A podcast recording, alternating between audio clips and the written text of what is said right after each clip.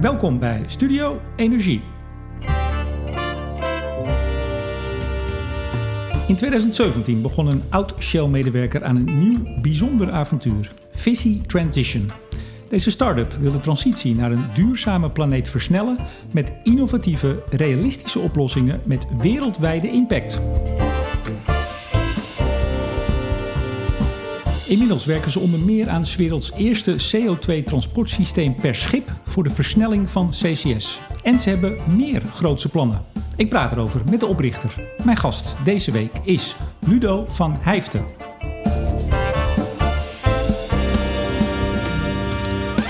En ook deze uitzending wordt weer mede mogelijk gemaakt door energieleverancier De Nutsgroep, Team Energie van Ploem Advocaat en Notarissen en netbeheerder Stedin. Meneer van Hijften, hartelijk welkom. Dankjewel. Uh, bij u thuis, uh, in het uh, kantoor aan huis. Want dat is een start-up, hè? Dat, moet nog, dat moet nog groeien. Dat klopt, ja. ja. En dat begint meestal thuis. Niet in de garage in dit geval, maar ietsje hogerop. In boven een, de garage. Ja, in, in een, een keurig, volgens mij, nieuwbouwwijk in Assen. Ja.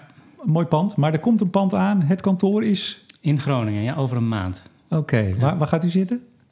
We gaan zitten bij het Martini Plaza. In, dus dat is een mooi gebiedje in Groningen. Visi Transition Ventures, hè, officieel. Ja. Waar staat dat voor? Ja, de ventures is omdat het eigenlijk allemaal verschillende ideeën zijn die samenkomen.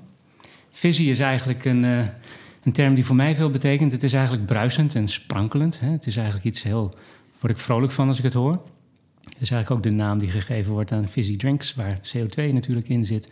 Dus het is ook een beetje het, de, de, de connectie tussen de CO2 en de, het bruisende van de ideeën die we allemaal hebben om daar wat, uh, wat uh, nuttigs mee te gaan doen. En die hebt u, hè? CO2-reductie, oceaan- en uh, koraalrifrestauratie. Ja. We gaan er straks allemaal over praten. Goed. hernieuwbare energie, maar vooral grootschalig. Hè? U, u doet het niet voor wat gerommel in de marge. ja, het is, wel, het is wel het doel dat we inderdaad impact hebben. Dat is een van de, van de grote doelen die we elke keer voor ogen houden. Dat zegt niet dat we natuurlijk uh, uh, niet begrijpen dat je soms met kleine stapjes naar het grote doel toe moet werken. Maar we willen inderdaad uh, flinke impact hebben, ja. ja. U ziet een groot probleem wereldwijd, klimaatverandering, ja. aantasting van de oceanen. Ja. U, we komen zo even op uw achtergrond. Ik zei ex-Shell, lang gezeten, toch een beetje klassiek, mijnbouw gedaan. In Canada, hè, zei u voor de uitzending. Ja, klopt, ja. Uh, hoe kom je dan toch even, hoe kom je op een gegeven moment van, nou, ik laat het allemaal achter me. Uh, vast een, een, keurige baan met dito inkomen ja. van Shell. We zitten niet voor niks in Assen, hè? De ja, laatste was nee. bij de NAM. Klopt. en dan de wereld gaan redden. En dat zeg ik zonder ja. flauwe connotatie. Nee, dat is, nou, dat is een goede vraag. Ik, ik heb inderdaad 15, de laatste 15 jaar dat ik voor een baas gewerkt heb, bij Shell gewerkt. leuk werk gedaan, interessante banen gehad. Uh, mooie kansen gehad, dus eigenlijk allemaal prima. Um, ja, en eigenlijk in die laatste jaren bij Shell steeds vaker over ideeën uh, nagedacht met andere mensen. Uh, waaronder een aantal mensen die nu met ons samen met Visie Transition verder zijn gegaan. Sterker, er zit er eentje hier bij ons in de kamer. Er zit er eentje stil naast ons hier. Ja. je stichter. Ik, ik zeg hem toch even gedacht. Technical Director. Klopt, ja. ja. Welkom. uh, u bent uh, algemeen directeur. Ja. En er is nog een, een, een, derde, maar er komen er meer. Laten we meteen even noemen. Gerald ja. Gooden. Ik dacht ja. dat het een Nederlander was. Gerald Goeden, maar dat is niet ja, zo. Nee, een van zijn voorouders is wel een Nederlander uh, geweest... die uh, ooit in Amerika gesetteld is. Dus uh, ja. Jerry is, is een Amerikaan van geboorte, genaturaliseerd Australiër... en werkt voor ons in Maleisië. Ja, ik onderbrak u, want u zei... ja, dan heb je nou zo'n zo fijne baan. Dan praat je met mensen over de problemen. Dan ben je misschien al aan het kijken naar wat zou er kunnen... Ja, precies. Eigenlijk wat je, wat je ziet is, uh, oké, dus je, je bent natuurlijk bezig met problemen van een, uh, van een oliemaatschappij. maar tegelijkertijd lees je ook de krant en kijk je het journaal en weet je dat er andere dingen zijn. ik ben bijvoorbeeld zelf duiker, dus ik weet al heel lang dat koraal bijvoorbeeld kwetsbaar is en dat daar iets, ja, toch eigenlijk iets gedaan moest gaan worden. Dus ik ben bijvoorbeeld vijf jaar geleden was ik in Azië Um, bezig met het probleem van uh, uh, platformen die daar in zee staan, die opgeruimd moesten gaan worden. Nou, dat is op zich niet een probleem, het is een financieel probleem met name. Uh, en in die tijd kende ik ook Jerry. En Jerry was bezig met een koraalrestauratieproject in, um, ja, in Lanka op Langkawi-eiland. Mm -hmm. Dat is een koraalrif dat door de tsunami kapotgeslagen is. En hij was bezig met herstelwerkzaamheden. Eigenlijk uh, proberen zo snel mogelijk dat RIF weer, weer in, in ere te herstellen. En wij hebben daar heel veel over zitten nadenken, veel koffie gedronken. Ehm, want het, ja, mijn gevoel zei, dat moet, je moet dat bij elkaar kunnen brengen. Hè? De, uh, de noodzaak om, om koralen een plek te geven om te, te kunnen groeien en groter worden. En uh, sowieso de visstanden zijn natuurlijk een enorme zorg, uh, zeker in, ver, in het Verre Oosten. En, ja, en wij hebben daar, als wij, wij hadden daar als oliemaatschappij allemaal prachtige stalen ankers in een zeebodem waar verder niet zoveel groeide omdat het een zandbodem was. Kun je daar niet gebruik van maken om grote riffen te creëren? Nou, zo dat soort ideeën zijn toen ontstaan. Ik heb dat toen ook wat uitgewerkt. Fijn. En uh, hè, dat, uh, dat van komt dan ander. bij een afdeling terecht die daar wel of niet heel veel mee doet. Het was niet, het was niet mijn baan. en ja, daar is toen niet zo heel veel mee gebeurd, denk ik, in die tijd. En dat pikken we eigenlijk nu allemaal op. Ja, en, en ook, dat zei ik al in de aankondiging, eigenlijk het CCS. Het eerste, het werelds eerste transportsysteem van CCS, ja. of wat dan van CO2 komen we zo op. Toch nog even, want ik, ik keek naar u heeft op uw website een uitgebreide missie staan uh, voor, voor, de club. Um, schone energie voor iedereen uh, en mensen naar een hogere levensstandaard dan nu. Ja. Het is die combinatie. Hè? Het is niet we gaan naar sober, we gaan naar allemaal minder. Nee. Uh, kan dat? Nou ja, dat is misschien ook een beetje... Ik zat erover na te denken vanochtend. Ik denk, ja, dat is ook een beetje dat visie in het verhaal. Het moet wel een beetje leuk blijven. Hè? Dus, um, het, is beetje, het lijkt de VVD wel. Die zeggen het ook altijd. Hè? Het moet wel leuk blijven. Nou ja, ik denk dat je, dat je in ieder geval moet proberen... om oplossingen te zoeken die... die uh, ja, die de mogelijkheid bieden dat het allemaal beter wordt en, en niet per se gelijk erbij neerleggen dat het allemaal slechter wordt. Ja, want u, u zegt eigenlijk er zijn drie opties uh, als je kijkt naar de wereldwijde problemen als het gaat over klimaatverandering, de oceanen, de koralen. Uh, niks doen en een soort damage control. Hè, niks doen mm -hmm. aan de oorzaak en dan ja. maar de gevolgen een beetje oplossen. Radicaal overstappen van fossiel op iets anders. Dan heb je ja. tekort en dan moeten we maar die tekorten zien weg te werken aan energie. Ja. Of, en dat is eigenlijk uw derde punt, of wat u doet met uw collega's proberen de, de uitstoot uh, zoveel mogelijk te beperken. Ja, een transitie uh, letterlijk. Hè? Dus gebruik maken van wat er nu is. Accepteren dat een radicale overstap morgen, hè, waarbij je alle kolencentrales uitzet en stopt met benzine tanken. Um, ja, dat is denk ik voor niemand een aantrekkelijk alternatief, als je heel eerlijk bent. Hoe snel dat dan is, is dan de vraag. Maar er zit, er zit een, een, iets tussenin en dat is een overgang. En dan denk ik inderdaad zo snel mogelijk naar een duurzame wereld zonder uitstoot. Maar wel op een manier dat we geen enorme chaos creëren en ellende. Ja, en, en u zegt kan... dan dat, dat bouwen we op de fundamenten, ik denk dan letterlijk en figuurlijk, ja. Van de huidige energieinfrastructuur. Ja, ik denk dat je dat inderdaad uh, in ieder geval vanuit ons uh, perspectief uh, heel goed kunt doen. Um, hè, ik zal gelijk zeggen, wij gaan natuurlijk niet alle problemen van de wereld oplossen op deze manier. Maar wat we zeggen ja, is... Dat, valt me, dat valt me dan weer een beetje ja, tegen. Valt tegen, hè? Ja, ja nee, helaas. Maar het is natuurlijk wel zo dat uh, als je bijvoorbeeld over CCS gaat praten, hè, als je zegt, nou goed, we willen heel veel CO2 gaan opslaan in een ondergrondse opslag. Je kunt natuurlijk een ondergrondse opslag creëren. Uh, je kunt een, een, gesteente gaan zoeken waar het, uh, waar het goed in kan. Je kunt putten gaan boren waar dat dan allemaal gaan, moet gebeuren. Dat is een hele kostbare zaak die veel tijd gaat kosten. En ja, we weten, dat weet je ook, uh, er zijn natuurlijk heel veel van dat soort plekken al beschikbaar met putten erin. Maar, maar niemand heeft het er toch over dat we nieuwe, nieuwe gaten gaan graven? En, uh, we hebben het toch juist over bij CCS? Nou, wij over... hebben het zeker hierover, maar ik denk dat het een voorbeeld is van hoe je gebruik maakt van de bestaande infrastructuur. Hè? Ja. Dus het is een voorbeeld van, kijk, uh, de standaard aanpak zou zijn, we gaan het allemaal afsluiten zodra de gasproductie klaar is, of de olieproductie, afhankelijk van waar je zit. En we breken alles af, we halen de platformen weg, die gaan we netjes uh, recyclen en dan is het klaar. En dan heb je eigenlijk denk ik een kans gemist om gebruik te maken van iets wat er al is. Maar, maar, maar er wordt nu gesproken in bijvoorbeeld het Portos-project in, uh, in Rotterdam. Uh, ja. dat, dat doet dat toch ook? Wat u, ja. uw oplossing anders maakt, is dat u geen pijpleiding er naartoe nee, wilt klopt. gebruiken, maar ja. per schip. Waarom is dat? Ja, dus wij zijn eens gaan kijken hè, op een zeker moment van, nou goed, CCS is natuurlijk ook iets wat een oliemaatschappij kan faciliteren. Waarom gebeurt het eigenlijk nog niet? Hè? Dan kom je dus bij uh, het Road-project bijvoorbeeld uit, hè, dat natuurlijk ja. uh, al lang uh, op poten staat. Uiteindelijk uh, ja, gestopt is. Ja. nu vervangen door het Portals-project, wat in feite doorbouwt op de gedachte van, van, van Road. En wat is er mis um, mee? Nou ja, mis. Um, zal, ik zal niet zeggen dat er iets mee mis is, maar ik denk dat een van de dingen die ons daar opvalt, is dat je dus met een pijplijn werkt, die daar neergelegd moet gaan worden voor een hele lange termijn. Ja, en wat ik me nou afvroeg, maar ik zit niet in de olie en gas, dat hoort u meteen. Die olie en gas komt ook aan land. Ja. Ja, met, klopt. Meestal, met, een, meestal met een pijpleiding. Eigenlijk vrijwel altijd. Ja. Ja. Kan die niet retour eh, C- eh, CO2? Ja, ja dat, zijn, dat was ook de originele gedachte, als ik Ja. eh, me niet vergis. maar waarom moet er dan een nieuwe pijp worden aangelegd? Nou ja, ze hebben dat onderzocht. De, de, ik denk dat de, de locatie waar de pijp aan land kwam... was niet ideaal voor waar de bron van CO2 zat. En eh, ja, nu spreek ik natuurlijk over dingen waar ik eh, niet de details van ken.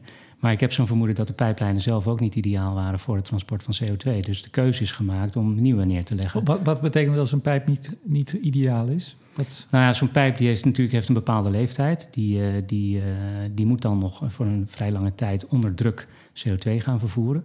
Dus hij moet natuurlijk wel veilig die druk aan kunnen. Ehm, ja, de, de- bij in zo'n pijplijn kan corrosie eh, plaatsvinden, et cetera. Dus ik, ik, eh, ik denk dat dat eh, wel ergens goed beschreven zal staan. Ja. Maar ik weet in ieder geval dat eh, besloten is dat het eh, via die oude pijplijnen minder, eh, minder aantrekkelijk was dan door nieuwe aan te leggen. u zegt, eh, wij komen het gewoon ophalen bij degene die het kwijt wil per schip. Ja. Het wordt, eh, eh, eh, ge- eh, hoe zeg je dat? Eh, eh, gecom- Gecomprimeerd. gecomprimeerd, zeker. Kon er niet opkomen. Ja, Gecomprimeerd op de, op de locatie van de klant. ja. Eh, daar haalt u. Moet dus wel aan zee liggen, neem ik aan. Of in ieder geval waar iets kan varen. Ja, iets waar je met een eh, schip kunt komen, ja. ja. Eh, Dat is, voor de, dat is voor de meeste bronnen trouwens zo. Hè? Dus Ja. eh, 90% van de grote bronnen liggen aan een, aan een haven... of in ieder geval aan een kade waar je met een groot schip kunt komen. Dan haalt u het op. U vaart naar een veld wat leeg is, of althans uit productie is en wat geschikt is. Ja. Daar gebruikt u de bestaande wellheads om het in te pompen. Ja. Nou, klaar. Ja, in principe wel. Zo simpel kan het zijn, hè? Kost dat? Nou ja, hè? Oh, dan gaat hij lachen. iedereen wil natuurlijk een getal horen. Nou, Nou, nee, laten, we het afz- laten we het afzetten bijvoorbeeld tegen de pogingen van Road en Portos nu om Ja. het eh, de Nee, klopt. Dus, dus dat is inderdaad een eerlijke manier om te kijken. Ehm, als je kijkt naar wat Portos het laatste gezegd heeft, wat de kosten per ton CO2 dan zouden zijn voor transport en opslag, die hebben het over 25 tot 35 euro per ton. Ja, wij hebben nu net eh, twee maanden geleden onze haalbaarheidsstudie afgerond voor, voor dit eh, concept. En we zitten daar dus eh, ruim onder. Dus dat betekent. Ja, Minder, dan, dan min- vraag ik meteen. Ja, nee, Ja. dat snap ik, maar Ja. wat is ruim? Ja, bedoel, ja, goed. Nou ja, en ver genoeg dat het sowieso economisch een aantrekkelijk alternatief is? U gaat geen getal noemen, hè? Nee, liever niet. Nee, dat snap ik. Maar goed, u zegt ruim eronder. Nou, dan zeg ik 25, 35, dan, zit u, dan moet u onder de 25 zitten. Goed. Ja. Ja, Oké, Ja. maar er, er, moet, er moet een schip gebouwd worden, Ja. toch? U gaat Ja, zeker. Niet, u, dat Ja. is niet van de plank. Nee, dat is niet van de plank. U heeft ook partners daarvoor. We hebben daar partnerbedrijven Volgens mij voor. kwam u, ja. uw partner ook net uit eh, Delft-Zuid, geloof ik, teruggereden om, eh, van de werf. ja, inderdaad. Wordt er al gewerkt aan het schip? Nee, er wordt eh, gewerkt aan het studeren over het schip. Dus we zijn eh, nog volledig eh, in, de, in de ontwerpfase. En kan dat niet een, een beetje gemodificeerd tankerschip zijn, wat met vloeibaar gas of zo eh, vaart? Ja, nou ja, goed. Dat, dus eigenlijk is dat wel grappig dat je dat zegt. Want er zijn natuurlijk scheepstransportconcepten voor CO2. En die zijn gebaseerd op bestaande LPG-tankers. Waar je dus een gekoeld gas in stopt. En dan met een vrij lage druk kun je ze vervoeren. Ehm, en er zijn zelfs, er is zelfs een, een leuk project een keertje bedacht vanuit Rotterdam. Dat heet de Sintra. Dat is ook gestrand. Ehm, wat wij doen is eigenlijk simpeler. En, en dat is, er is een reden voor. En dat is eigenlijk dat je zo min mogelijk eh, activiteit en spullen op dat platform wil hebben offshore. Dus als jij een, een eh, eh, wat wij in principe doen, is wij koelen de CO2 niet. Wij comprimeren het en vervoeren het warm onder hoge druk. En wat er dan gebeurt is dat je aankomt met een schip bij een opslaglocatie. En je hebt de energie eigenlijk al bij je om die CO2 eh, via, de, sorry, via de put het reservoir in te, Dat was de microfoon. in te laten stromen. Ja, mijn excuses niet, eh, voor de geen microfoon. Ik zet hem meteen even een beetje recht. En dat is anders dan dat je dus eh, op, de, op, de installa- op, de, op het platform offshore ehm, nog eh, bijvoorbeeld een pompinstallatie zou moeten neerzetten. De energie zit erin. Het is een kwestie van de, de, de kleppen open en Ja, hoppa. en dat biedt een heel groot voordeel. En dat is namelijk dat je dus niet hoeft te wachten tot je een, een, een bron van energie of een, een elektriciteitskabel hebt gelegd naar dat platform. Ja. Dus eh, je Ja. hoort eigenlijk bij eh, de, eh, ja, de conferenties waar wij dan ook wel komen natuurlijk. CCS, dat gaat nog minstens 13 jaar duren. Eh, want dat heeft met een aantal dingen te maken. Eén is alle gaspijplijnen zijn nog nodig om gas te produceren. Dus voordat we terug kunnen produceren de andere kant op, dat kost wat tijd. Ehm, eh, en, eh, eh, Ja, want dat is, dat is uw belangrijkste punt. Hè? U zegt, zo- zolang het, het kost heel veel tijd. Ja, Er gaan velden nu dicht. Dat zijn allemaal potentiële opslagbronnen. klopt. Die gaan één voor één dicht. En Ja. als we niet snel opschieten, ja, dan zijn ze weg. En dan, Nou ja, kijk, je kunt ze allemaal in de mottenballen stoppen. Dat, dat kost geld en dan gebeurt er ondertussen niets. Ehm, hè, dus je wacht eigenlijk op één. Is er een pijplijn, een oude gaspijplijn beschikbaar... waar langs de CO2 de andere kant op kan twee, of stromen? we moeten nieuwe leggen. En dat is kost Of je moet een nieuwe leggen. Ja. En twee is, eh, wanneer komt die elektriciteits, elektriciteitskabel offshore? Eh, om dat platform te zien, voorzien van alle installaties die je nodig hebt... om die CO2 dan in het eh, reservoir te laten stromen. Hè. Daar moet een verwarming bij, et cetera. Wat wij dus eh, eh, eh, ontwerpen is een systeem waarbij dat niet hoeft. Wij brengen in principe alles met ons mee op het schip. We hoeven alleen maar aan te sluiten op de putten. En eh, verder heb je op het platform niets nodig. Waardoor je dus eh, ongeveer tien jaar eerder aan de slag kunt. En u zegt dat is goedkoper dan zo'n Portos-project. Ja, Nou, dan zou ik zeggen, appeltje eitje. ja het zou je denken, hè? Ja, ja. Er, er, zijn, er zijn vast nog wat haken en ogen. Overigens, ik moet even zeggen, dit is mede eh, gesubsidieerd of gesteund door, door EZK. een een dat potje klopt. voor wat eh, ontwikkelingsgeld, denk ik. Ja, ja, voor de haalbaarheidsstudie is inderdaad... ja, eh, klein centje. Nou ja, goed. Ja, voor ons belangrijk. Dus Ja? ja, ja Nee, ik bedoel, dat zijn geen grote bedragen. Dat nee, is nee, dat, eh, dat zijn eh, geen grote bedragen. Nee. nee, dat zijn echt bedragen waarmee wij eh, ja, een deel van onze tijd eh, vergoed krijgen. Waar wij in principe eh, nou ja, gewoon lopende kosten van kunnen betalen. ja. ja. Want hebt u, al, ehm, hebt u al klanten of potentiële klanten? Nee, dus dat is, eh, daar hebben we ook eh, bewust mee gewacht. Hè? Dus eh, wij zijn eh, niet naar klanten toegegaan voordat we wisten dat we een concept hadden dat eh, echt interessant is. Eh, je kunt een vermoeden hebben, maar het kan toch uiteindelijk tegenvallen. Eh, nu dat wij onze haalbaarheidsstudie gedaan hebben en we weten dat we in ieder geval economisch eh, concurrerend zijn met bestaande alternatieven, zijn we inderdaad nu begonnen met het zoeken van klanten. Ja, want er komt een eh, CO2-heffing, althans die is aangekondigd door het kabinet voor de industrie. Ja, Er zitten een paar hele grote jongens bij. Ja, Er gaan bedragen rond van, van 50 euro de ton, 100 ja. wellicht zelfs. Ja. Althans, is aan, is aan gerekend als u onder de 25 kunt zitten. Ja, zeker. Kijk, en vergeet natuurlijk niet dat wat wij doen is transporteren en opslaan. Je moet ook nog afvangen in de meeste gevallen. Dus het hangt heel erg vanaf waar ga je die CO2 halen. Hè, dus eh, de, de logische eerste plekken waar je, gaat- waar je CO2 gaat halen... is waar in principe de CO2 nu al beschikbaar is. Hè, die komt uit een ik, hè, proces, de puntbronnen... waar in principe nu CO2 als een afvalstof al Ja. ja. Ja, eh, naar buiten komt. En eh, in sommige gevallen mooi hergebruikt wordt. Bijvoorbeeld in, eh, in de kassen.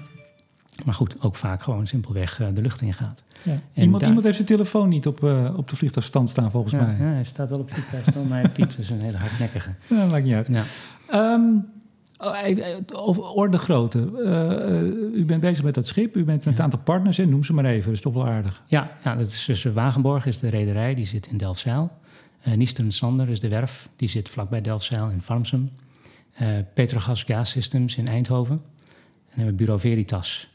En nog een laatste partner die we nog net niet kunnen noemen, maar dat is een, een specialist in offshore aanmeersystemen. Oké. Ja. Nou, alles bij elkaar. Er wordt aan het schip gewerkt. Althans, eh, Ja. de, de, de engineering daarvan. Ja. Is het al zover? Want dat betekent dat het... Nou ja, goed, het, is, het, is, het kost ons nog een jaar eigenlijk om het ontwerp af te maken, ja. ja. En wat, wat kunt u aan voor hoeveelheden? Nou, wat wij, eh, wij hebben een basissysteem in principe wat we nu ontwerpen. Dat gericht is op eh 1 tot 1,5 miljoen ton per jaar. Met een vloot van drie schepen. Dus wat je eigenlijk hebt is een continu, een continu afvoer van de CO2. En de klant ziet in principe gewoon, eh, die, die levert aan het einde van een pijplijn zijn CO2. En die kan door blijven Ja. stromen. En wij leggen telkens een nieuwe tank neer als de, als de volle klaar is.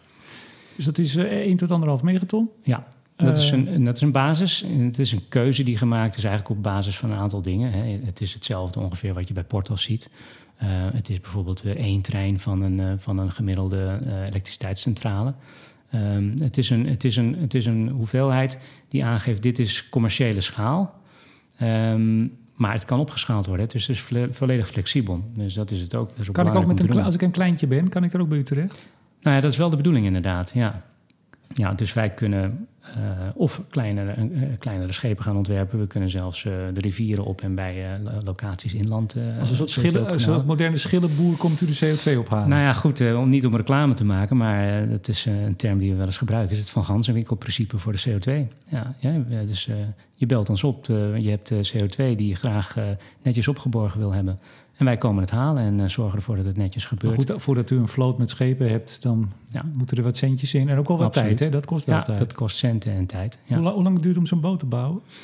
Nou, wij gaan ervan uit dat het moment dat we opdracht krijgen... en we hebben dus een, een klant die, die zich kan committeren voor een aantal jaren... dan hebben we 18 maanden nodig om een, om een boot te bouwen. Ja. Ik geloof dat ik schip moet zeggen. Ik was, ik was vandaag op een Greenpeace-schip en uh, je mag geen boot Sommige mensen vinden dat niet fijn, maar dan heb ik toch sommige mensen erop betrapt die het echt wel weten, die soms ook gewoon boot zeggen. Dus ik, uh, Kijk eens ik voel me er minder bezwaard over dan, uh, dan, dan eerst. Tot slot even hierover en dan gaan we naar het, het, het RIF. Ja. Ook een, een fascinerend idee in ieder geval. Wat, wat, wat, voor geld hebben jullie straks nodig? Als je dit ja. project, je gaat hem uitrollen. Ja. Dan moet je eerst naar een bank of die, of die eerste nou, klant die, die moet genoeg uh, Ja, dat is, dus dat is eigenlijk nog heel flexibel. Er zijn inderdaad verschillende manieren om zoiets te financieren. Um, de basis, het basisuitgangspunt is inderdaad via een bank, hè, die ook uh, schepen financiert. In principe um, hè, uh, heb je een, een charterparty nodig die zegt: ik ga gebruik maken van, van zo'n schip. En met dat document kun je naar de bank om, om geld te lenen. Um, maar tegelijkertijd uh, weten we ook dat er mogelijk wel uh, slimmere manieren zijn om te financieren. Dus daar gaan we zeker naar kijken. Kijken we natuurlijk al naar. Heb je wel een keer spijt gehad dat u bent weggegaan bij Shell? De onzekerheid van, ja. na, na zo'n... U hebt een keurige ja. carrière gehad, hè? in de mijnbouw, in het buitenland gezeten. Uiteindelijk bij Shell, de NAM. Alles kinderfeus geworden. Zeker als het over dit soort bedragen gaat. En waarschijnlijk met het eigen huis meetekenen straks hè, bij, de, bij de. Niet? Nou, ik zal echt heel eerlijk zijn. En ik zei het in het begin ook al. Ik, ik heb het echt heel leuk gehad bij Shell en ook bij vorige werkgevers. Hartstikke leuke banen gedaan. Maar ik heb nog nooit uh, zoiets leuks gedaan als wat ik nu aan het doen ben. Het is, uh, het is uh, van een andere orde. de, de vrijheid om, om heel snel te schakelen en heel snel te bewegen. Ja, dat kan alleen eigenlijk als je, als je zo klein bent, denk ik. En, en het zelf helemaal mag gaan verzinnen. Want even, en dan, dan tot slot over het privé. Uh, voorlopig van het spaargeld leven? Of komt ja. er al iets? Ja. ja. nee, dat klopt. Ja, ja, we leven allemaal Kijk even naar de buurman. We leven allemaal Hij van ons spaargeld, ja. nou ja, goed, dus wat je ziet is, wij zijn dus ook niet de jongste allemaal. Ik ben een van de jongsten van, uh, van het hele team. Wat is jong? Ik, ik ben 49. Um, dus de leeftijd varieert van uh, 46 tot 71. we zijn allemaal mensen die, die wel even van ons spaargeld kunnen leven terwijl we dit opbouwen. En ik denk dat dat heel belangrijk is, want het kost allemaal tijd. Hè. We zijn uh, zomaar ineens 2,5 jaar verder al. Um, maar ja, we willen dit groots opzetten, want we denken dat het echt die potentie heeft om, uh, om grote impact te hebben. En wij hebben het voordeel dat we verder niet, uh, niet hoeven te luisteren naar aandeelhouders die, die van alles willen op dit moment. Nog, we, nog niet? Nog niet. We gaan het, we gaan het eerst gewoon nu zo, zo maken dat het in de markt gezet kan worden. De eco-riffen, of het ja. eco-riff, of reef. Het is ja. allemaal in het Engels. Ja, goed. Allemaal hetzelfde. Is, dat, is dat in een heel korte tijd uh, uh, uit te leggen? Um, jawel. Ja, ik denk dat je kunt zeggen dat um, eco-riffen zijn eigenlijk uh, ontworpen riffen. Door, door de mens ontworpen riffen. En riffen zijn eigenlijk plekken in zee waar van alles op groeit. Opgroeit en omheen zwemt en leeft. Hè? Dus je, in feite zijn riffen het centrum van een ecosysteem waar ja, allerlei verschillende soorten op leven. En wat wij dus eigenlijk met die ecoriffen um, ja, bedacht hebben, en dat is natuurlijk, wij zijn niet de enige die met dit soort dingen bezig zijn, maar wij hebben gezegd, als je nou een, uh, uitgaande weer van een olie- of gasplatform, daar groeien fantastische koralen op. Hè. Het zijn favoriete plekken voor duikers. Dat is heel erg mooi. Dat is een van de redenen dat... Ik heb een keer een Wageningen-studie gezien over de Noordzee... dat je die, die poten maar beter kan laten blijven staan. Nou ja, dat zou zeker Toch? heel waardevol zijn heel veel voor het zeeleven. Absoluut. Ja. Ja, dat en u is... wilt dat eigenlijk nog eens gaan versterken? Ja, want wat wel zo is, het, is, het ziet er heel mooi uit... Uh, maar het is vrij beperkt qua oppervlakte wat erop kan groeien. Want het is in feite gewoon beperkt tot de hoeveelheid staal die, die daar En hoe, staat. Maak je, hoe maak je dat oppervlak dan groter? Nou, wij breiden het in principe uit. Dus we gebruiken die poten als, als anker... waaraan allerlei andere structuren bevestigd worden. Dus wij creëren nieuwe structuren... die speciaal ontworpen zijn voor bepaalde soorten... om in en op te leven. Zodat je in principe een heel ecosysteem kan opbouwen... dat in die omstandigheden zich prettig gaat voelen. Maar, maar, maar, help me even, uh, structuren, dat klinkt prachtig. Kom, ja. Komt u dan met een, een balkje en een plaatje? En een, want het is een speciaal ja. materiaal, hè? Eco, of nee, Sin Coral? Ja. Registered trademark, dus dat is, dat is vastgelegd? Ja, precies. Nou, in feite wat het is... Maar is kom je met wij, grote platen aan, die, die zet je er tegenaan? Of hoe werkt dat? Nou, we maken in feite vormen, hè? dus uh, organisch uitziende vormen. Uh, die kunnen uh, in, de, in de kern van beton zijn. En we hebben een, uh, een, uh, een, een, surface treatment ontwikkeld, een uh, oppervlaktebehandeling, ja. waardoor koralen zich daar heel prettig op voelen. Heeft, dus, heeft Jerry, Jerry Gooden dat, ja, die heeft er heel lang aan gewerkt, geloof ik? Ja, die is daar al sinds 2001 mee bezig. eh, in allerlei varianten. Is ooit begonnen op het Great Barrier Reef in Australië, waar hij uh, heel lang gewerkt heeft. En vervolgens, de afgelopen tien jaar in Maleisië, is hij daar heel actief mee aan het testen maar de, geweest. De, de truc is om dat, wat is gelamineerd materiaal, hè? dat, ja. dat gepatenteerde of spul dat je dat zo samenstelt dat, dat het daar graag op groeit. Ja, en meteen en snel. Ja. ja, dat heeft te maken met de, de chemie hè, van, de, van, de, van het oppervlak en de structuur van het oppervlak. En uh, nou goed, wat we dus ook uh, nu uh, nogmaals, in de laatste versie heet dan Compound 7. Er zijn een heleboel daar aan vooraf gegaan. daar zie je dus dat een aantal dingen gebeuren. Eentje is dat als jij een, een oppervlakte in het water legt van beton, en daarnaast leg je exact dezelfde betonnen plaat die behandeld is met, met die compound. Dan zie je dat binnen zes maanden op de behandelde plaat allemaal kleine uh, koraallarven zich gaan settelen. En op de onbehandelde plaat niet. Dat hebben we vorig jaar laten zien. En deze week, dat is een primeurtje voor je dan. Deze week uh, tonen we aan dat nu na de moesson, we zijn dus net weer terug geweest uh, na de moesson. En zien we dus dat dat zich enorm uitgebreid heeft. En de behandelde plaat, daar heb je dus nu iets, als ik me niet vergis, op een vierkante meter 62 nieuwe larven, waarop de onbehandelde plaat nog niet zit. Dat is één ding. Dus nieuwe koraaltjes, die zwerven in, eigenlijk de, de larven van de koralen zweven in het, in het zeewater rond. Die zoeken plekken waar ze kunnen groeien.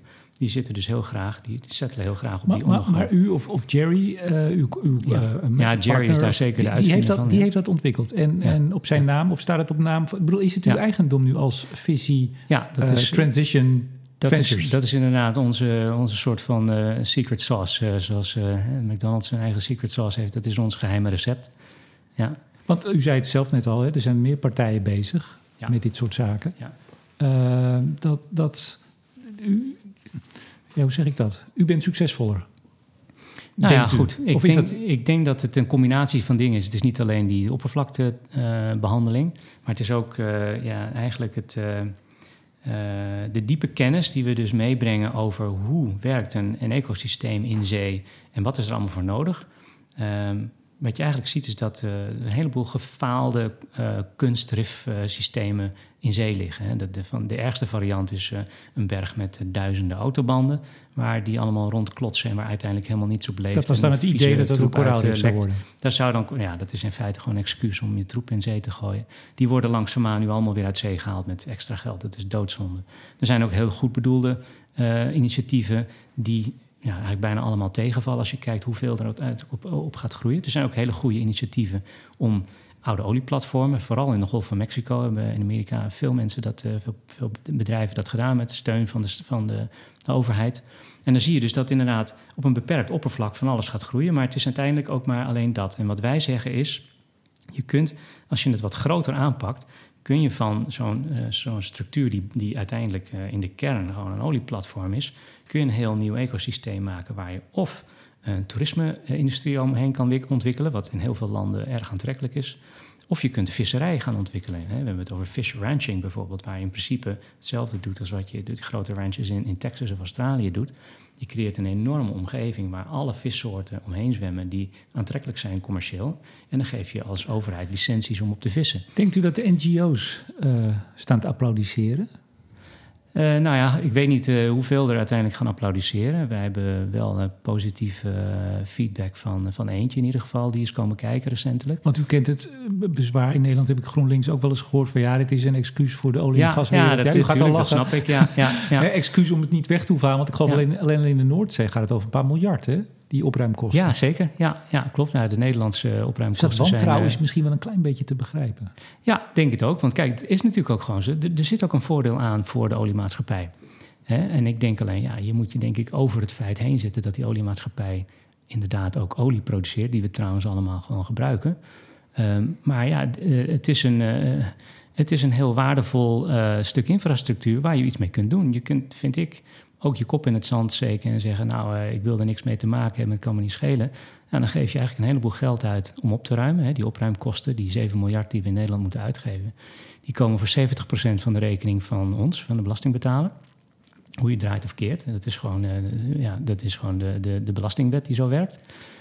Je kunt er iets veel beters mee doen. En het, uiteindelijk denk ik dat je daar uh, heel verstandig naar moet kijken met z'n allen. En dan ga je zien dat je daar dus pure waarde creëert. Hè? Zowel milieuwaarde als gewoon economische waarde. Bent u wel in gesprek met de club die door, ik geloof, ABN en de Nogepa is opgezet, en Next Step? Ja. Of, ja, in gesprek? Ja, zeker, in gesprek. Dus die weten van wat we doen. En we zijn inderdaad uh, met een aantal van die partijen. Dat zijn de, de olie- en gasmaatschappijen. Maar even Next Steps, is die ook geïnteresseerd al? Zijn ze enthousiast? Zeker. Of zeiden ze nou, komt u maar langs en uh, dank u wel en tot ziens? Nee, nee, dus ik, ik denk dat je het zo moet zien. De, de Next Step is inderdaad geïnteresseerd en heeft ons in contact gebracht met, met de leden. Dus wat wij natuurlijk zoeken is twee dingen. Hè. We hebben een CO2-transportsysteem. We zoeken de voor- en de achterkant van die lijn die we nu aan, aan het ontwerpen zijn. Dus de achterkant is de opslag. Nou, die zijn in bezit van de oliemaatschappijen. Dus we hebben oliemaatschappijen nodig die met ons samen dan die CO2-opslag offshore willen realiseren in een oud gasveld. En aan de voorkant zitten de klanten, dat zijn de grote bronnen. En dan gaat het er inderdaad om nu. De zoektocht is naar de klant die zegt: Nou, ik ben er wel eens een beetje aan toe om mijn CO2 te willen opslaan. Ja. U, u, wil ook in, in het uh, RIF, wilt u ook CO2 opslaan? Hè? Dat is denk ik niet zoveel dan, maar... Ja, dat is, nou ja, het is natuurlijk wel een, eh, een, ja, dat is, het is onvermijdelijk dat we daar ook over gaan nadenken natuurlijk. We proberen het uh, calciumcarbonaat te, te, combineren. Ja, dat calciumcarbonaat dat klinkt inderdaad heel aantrekkelijk en uh, het is inderdaad ook natuurlijk, er, er zit dus koolstof in. Uh, het is niet de manier om heel veel CO2 nee, te gaan hè? opslaan. maar wat wel de manier is om heel veel CO2 uit zee te halen. Want de zee, de zee, heeft natuurlijk ook last van CO2. Hè? De, de zee absorbeert de meeste CO2 uit de atmosfeer. Daardoor wordt de zee zuurder. En daar hebben de vissen weer last van. Eigenlijk met name de schaaldieren hebben daar last van. Um, je kunt in zee heel veel CO2 opnemen door bijvoorbeeld zeewier of uh, algen uh, te gaan oogsten en te gebruiken. En dus die, uh, die CO2 die in principe daarin zit, die kun je uit water halen. En als je die algen of dat zeewier bijvoorbeeld als voedsel gebruikt en daarmee verplaats je dus weer of reduceer je de hoeveelheid vlees die bijvoorbeeld gegeten zou worden. Dat is een hele interessante manier om en uh, een voedselbron aan te boren uh, en uh, CO2 te reduceren. Het is niet, ik presenteer dit zeker niet als de manier om het CO2-probleem aan te pakken, maar het kan zeker wel wat impact hebben. Vooral als je laag in de voedselketen gaat zitten. Dus inderdaad, dat soort organismes uh, zou gaan oogsten om iets nuttigs mee te doen. Hè? En dan hebben we het nog steeds ook over de Noordzee. Want u kijkt wereldwijd. U ook, bent ja, Maleisië en overal bezig. Maar ja. Ook in de Noordzee. Ook in de Noordzee. En zeker in de Noordzee. Dan moet je denken aan mosselen en oesters. Maar ook zeewier. Hè? Dat is, uh, maar er zijn ook, ook partijen mee bezig natuurlijk. Absoluut, ja. Daar bent u ook mee in gesprek. Ja, nou ja, dat, dat, laten we zeggen dat we zeer geïnteresseerd zijn in wat ze doen. En ik denk dat we daar inderdaad wel wat kunnen bijdragen. Ja. Maar u bouwt dan, ik zit nog steeds even te denken hoe dat er dan uit gaat zien. Uh, want het, ja. dat platform is er straks af. Je moet een paar ja. meter onder de zeespiegel moet je hem af, afzagen of afsnijden. Je mag er dus ook niet varen. Je mag er natuurlijk... Nou ja, dat zijn, er zijn natuurlijk verschillende mogelijkheden. Dat is, dat is uh, heel afhankelijk van de wetgeving. Hè. Mag je daar überhaupt wel een platform laten staan? En daar moet je, moet je wel toestemming voor krijgen. Maar dan bouwt u een soort, soort uh, mooie amorfe structuur eronder van, van die platen van beton. En daar komt die coating op of die, die compound. Ja, precies. En, en hoeveel jaar moeten we dan wachten voordat we daar echt... Uh... Nou, dan ga, je, dan ga je binnen drie tot vijf jaar al eigenlijk een, een heel mooi rif krijgen. Want dat, uh, dat heb je eigenlijk een. Je begint met snel groeiende soorten.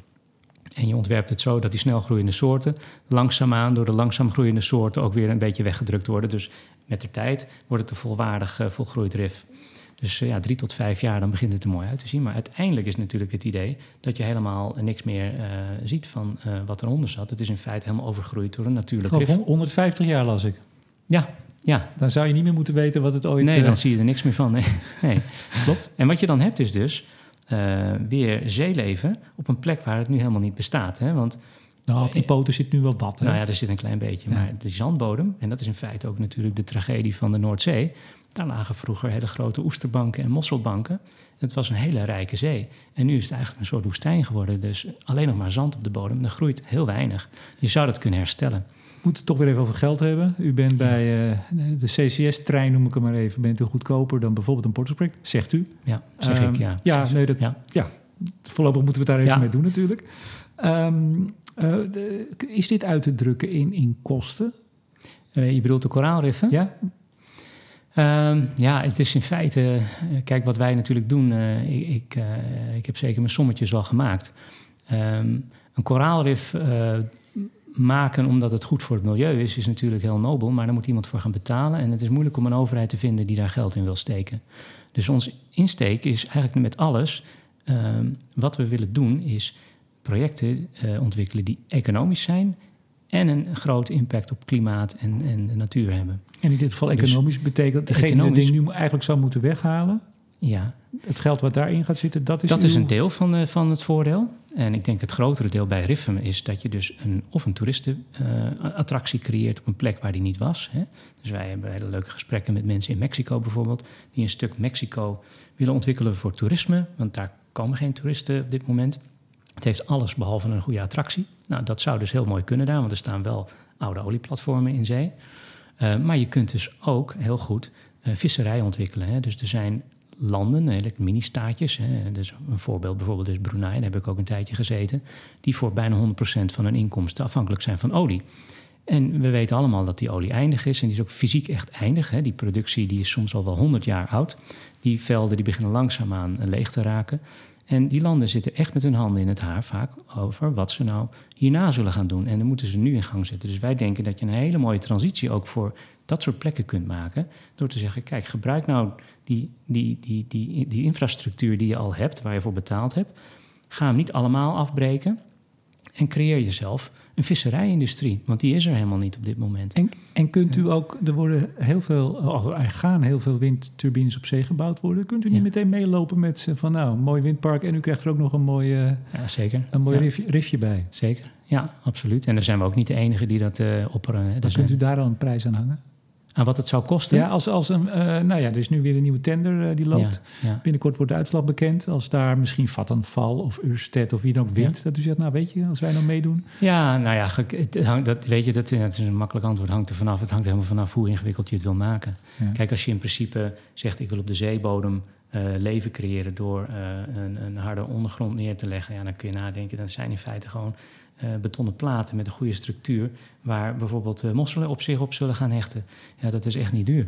Uh, maar je kunt ook een heel prachtig ecosysteem creëren waarvan alles en nog wat gebeurt. Ja, dan heb je het over, over hele andere bedragen. Nou, ze luisteren allemaal mee, dus ze kunnen de komende maand nog in Assen terecht en daarna in Groningen. Ja, ja, precies. Ja. Even, jullie zijn met. nou, jullie hebben je, je banen erin opgegeven, zijn er mee bezig. Um, wat is nou, even los van de techniek en de, de inhoud, wat is nou de grootste uitdaging uh, waar jullie voor staan? Ja, goede vraag.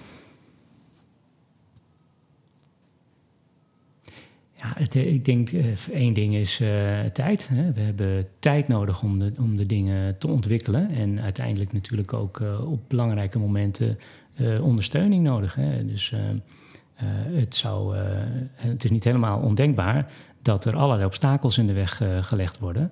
Om misschien wel goede redenen, waardoor het uh, enorme vertraging op gaat leveren. Wacht even, even terug. Ja? Ja. Obstakels op de weg, nou, dat zullen, die zullen er ongetwijfeld komen, maar om goede redenen. Noem er eens één dan. Wat, wat is zoiets wat om. Nou, ik denk dat sommige mensen bezorgd zijn, hè, zoals je al zegt, over ja, zijn we niet alleen maar bezig met uh, oliemaatschappijen te, te spekken. zijn we niet alleen maar bezig met onnodige fossiele tijdperk te rekken. En ik denk dat je, dat je tijd nodig hebt, ook voor die gesprekken. Hè? Dus daar ben ik me heel, heel bewust van, dat we die gesprekken ook willen voeren. Ik, uh, ik denk, ja, uh, ik ben zeker niet iemand die dat volledige overzicht heeft om alles helemaal uh, uit te kunnen leggen. Maar wij zijn een oplossing provider. Hè? Dus wij, wij creëren oplossingen, maar we begrijpen ook wel dat mensen daar misschien wel moeite mee hebben. Dus uh, ja, en ik kan me ook voorstellen dat dat misschien wel heel veel tijd zou gaan kunnen kosten als mensen zeggen, nou, uh, vergunningen komen er niet bijvoorbeeld. Uw, ja. uw compagnon of medewerker, of wat het maar is, Gerald, de, de riffman, de koraalman, ja. die gaf een interview aan Reuters onlangs. Um, daar zei hij: The biggest challenge is getting government to step up and do what's best for their citizens. Ja. Ja. Oftewel toch ook dat de politiek wel een stapje nou harder mag lopen. Als u dat eens naar Nederland vertaalt, hebt u dan nog wensen, zou ik bijna zeggen? Nou, ik, ik, ik, ik zal zeggen, ik, ik ben uh, op zich uh, best wel blij met, uh, met, met onze overheid, hoe serieus ze in ieder geval zijn over de klimaatagenda. Um, ja, precies hoe de oplossingen gemaakt worden, um, maakt me niet eens zoveel uit. Hè. Het feit dat, dat, dat dat de mensen in Nederland serieus genomen worden die zich zorgen maken en dat daar plannen voor gemaakt worden en dat we inderdaad er nog niet helemaal uit zijn hoeveel en hoe snel en hoeveel geld dat is, is voor mij heel positief. Ik denk dat het inderdaad uh, uiteindelijk, bijvoorbeeld voor CO2-opslag ja, cruciaal is dat uiteindelijk natuurlijk wel het mogelijk moet zijn dat, dat er vergunningen zijn. en dat het dus ook mogelijk gemaakt wordt om, om, om, gebruik te maken van die, van die gasvelden voor CO2-opslag. Hebt, ja. u nog, hebt u nog wat geld nodig? U kunt, iedereen iedereen luistert, u weet het. Dus dan, u, u, u, kunt hier de oproep doen. Ja, nee, dat is, dat is zo. Ja, wij, wij zouden inderdaad nu dit komend jaar zijn we op zoek naar investeerders. Dus ja, zijn geïnteresseerd. Nou, dat lijkt me een prachtig slot. ik hoop dat de telefoon gaat rinkelen. Nou, ik, nu nog niet, want we zijn nog in het interview. Nee, maar hij, is, hij is ook nog niet uitgezonden. Hè? maar als ze dit horen wel. Goed. Ludo van Hijften, uh, oprichter en algemeen directeur van Visi Transition Ventures. Ja. Om hem goed te zeggen, hartelijk dank voor dit gesprek. Ja, ook bedankt.